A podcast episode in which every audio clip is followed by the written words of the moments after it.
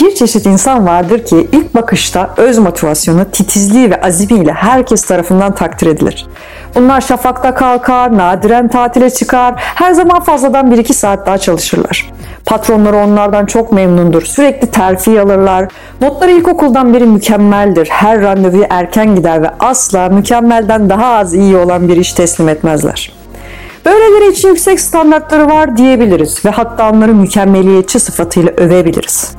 Burada herhangi bir sorun aramak saçma gibi görünebilir. Sorunlu ve bezgin bir dünyada mükemmelliğe aşırı azimli bir bağlılıktan neden şikayet edelim ki?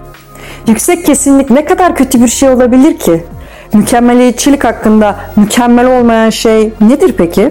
Sorun mükemmeliyetçinin çalışmasıyla değil onun ruh durumuyla ilgilidir. Mükemmeliyetçilik trajik bir şekilde kendi başına herhangi bir mükemmellik sevgisinden kaynaklanmaz. Kökenleri asla yeterince iyi olamamak gibi çok daha yıkıcı bir duyguya dayanır. Kendinden nefret etmekten doğar. Çocuklukta sıcaklık ve saygı beklenilenler tarafından onaylanmama veya ihmal edilme anılarıyla ateşlenir. Değersizlik, ilgisizlik, kusurluluk, hayal kırıklığı, hüsran gibi temel duygulardan dolayı mükemmeliyetçi olunur. Bu duygular ruh durumu üzerinde o kadar güçlüdür ki o kadar korkunç bir baskı yaratır ki o hissi yok etmek için kişi neredeyse her şeyi yapmaya hazırdır. Sürekli çalışarak, otoriteyle geyi geçinerek, çevredeki herkesten iki kat daha fazla emek vererek utanç içindeki hak etmeyen benlik kendini temizlemeye çalışır. Zihin içten içe bir sonraki zorluk aşıldığında sonunda huzura erileceğini söyler.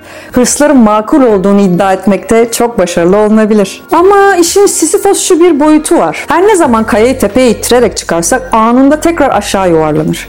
Asla bir dinlenme noktası veya kalıcı bir tamamlanma hissi olmaz. Mükemmeliyetçi kişi gerçekte hırslı değil sadece rahatsızdır.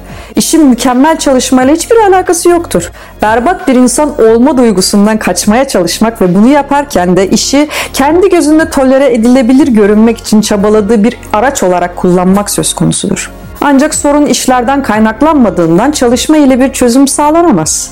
Buradaki gerçek hedef düşünüldüğü gibi ideal bir çalışan olmak değil, kabul edilebilir hissetmektir. Ancak kabul duygusunun sorumluluğu patronlara, müşterilere ya da sürekli talep halindeki kapitalist sisteme devredilemez. Çünkü bunların doğasında her zaman daha fazlasını istemek vardır.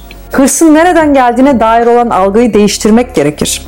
Konu mükemmel olmak istemekle ilgili değildir. Berbat biri olduğuna dair aşırı yoğun bir duygunun baskısı altında çalışılır ve bu daha çok çalışmakla çözülemeyecek bir sorundur.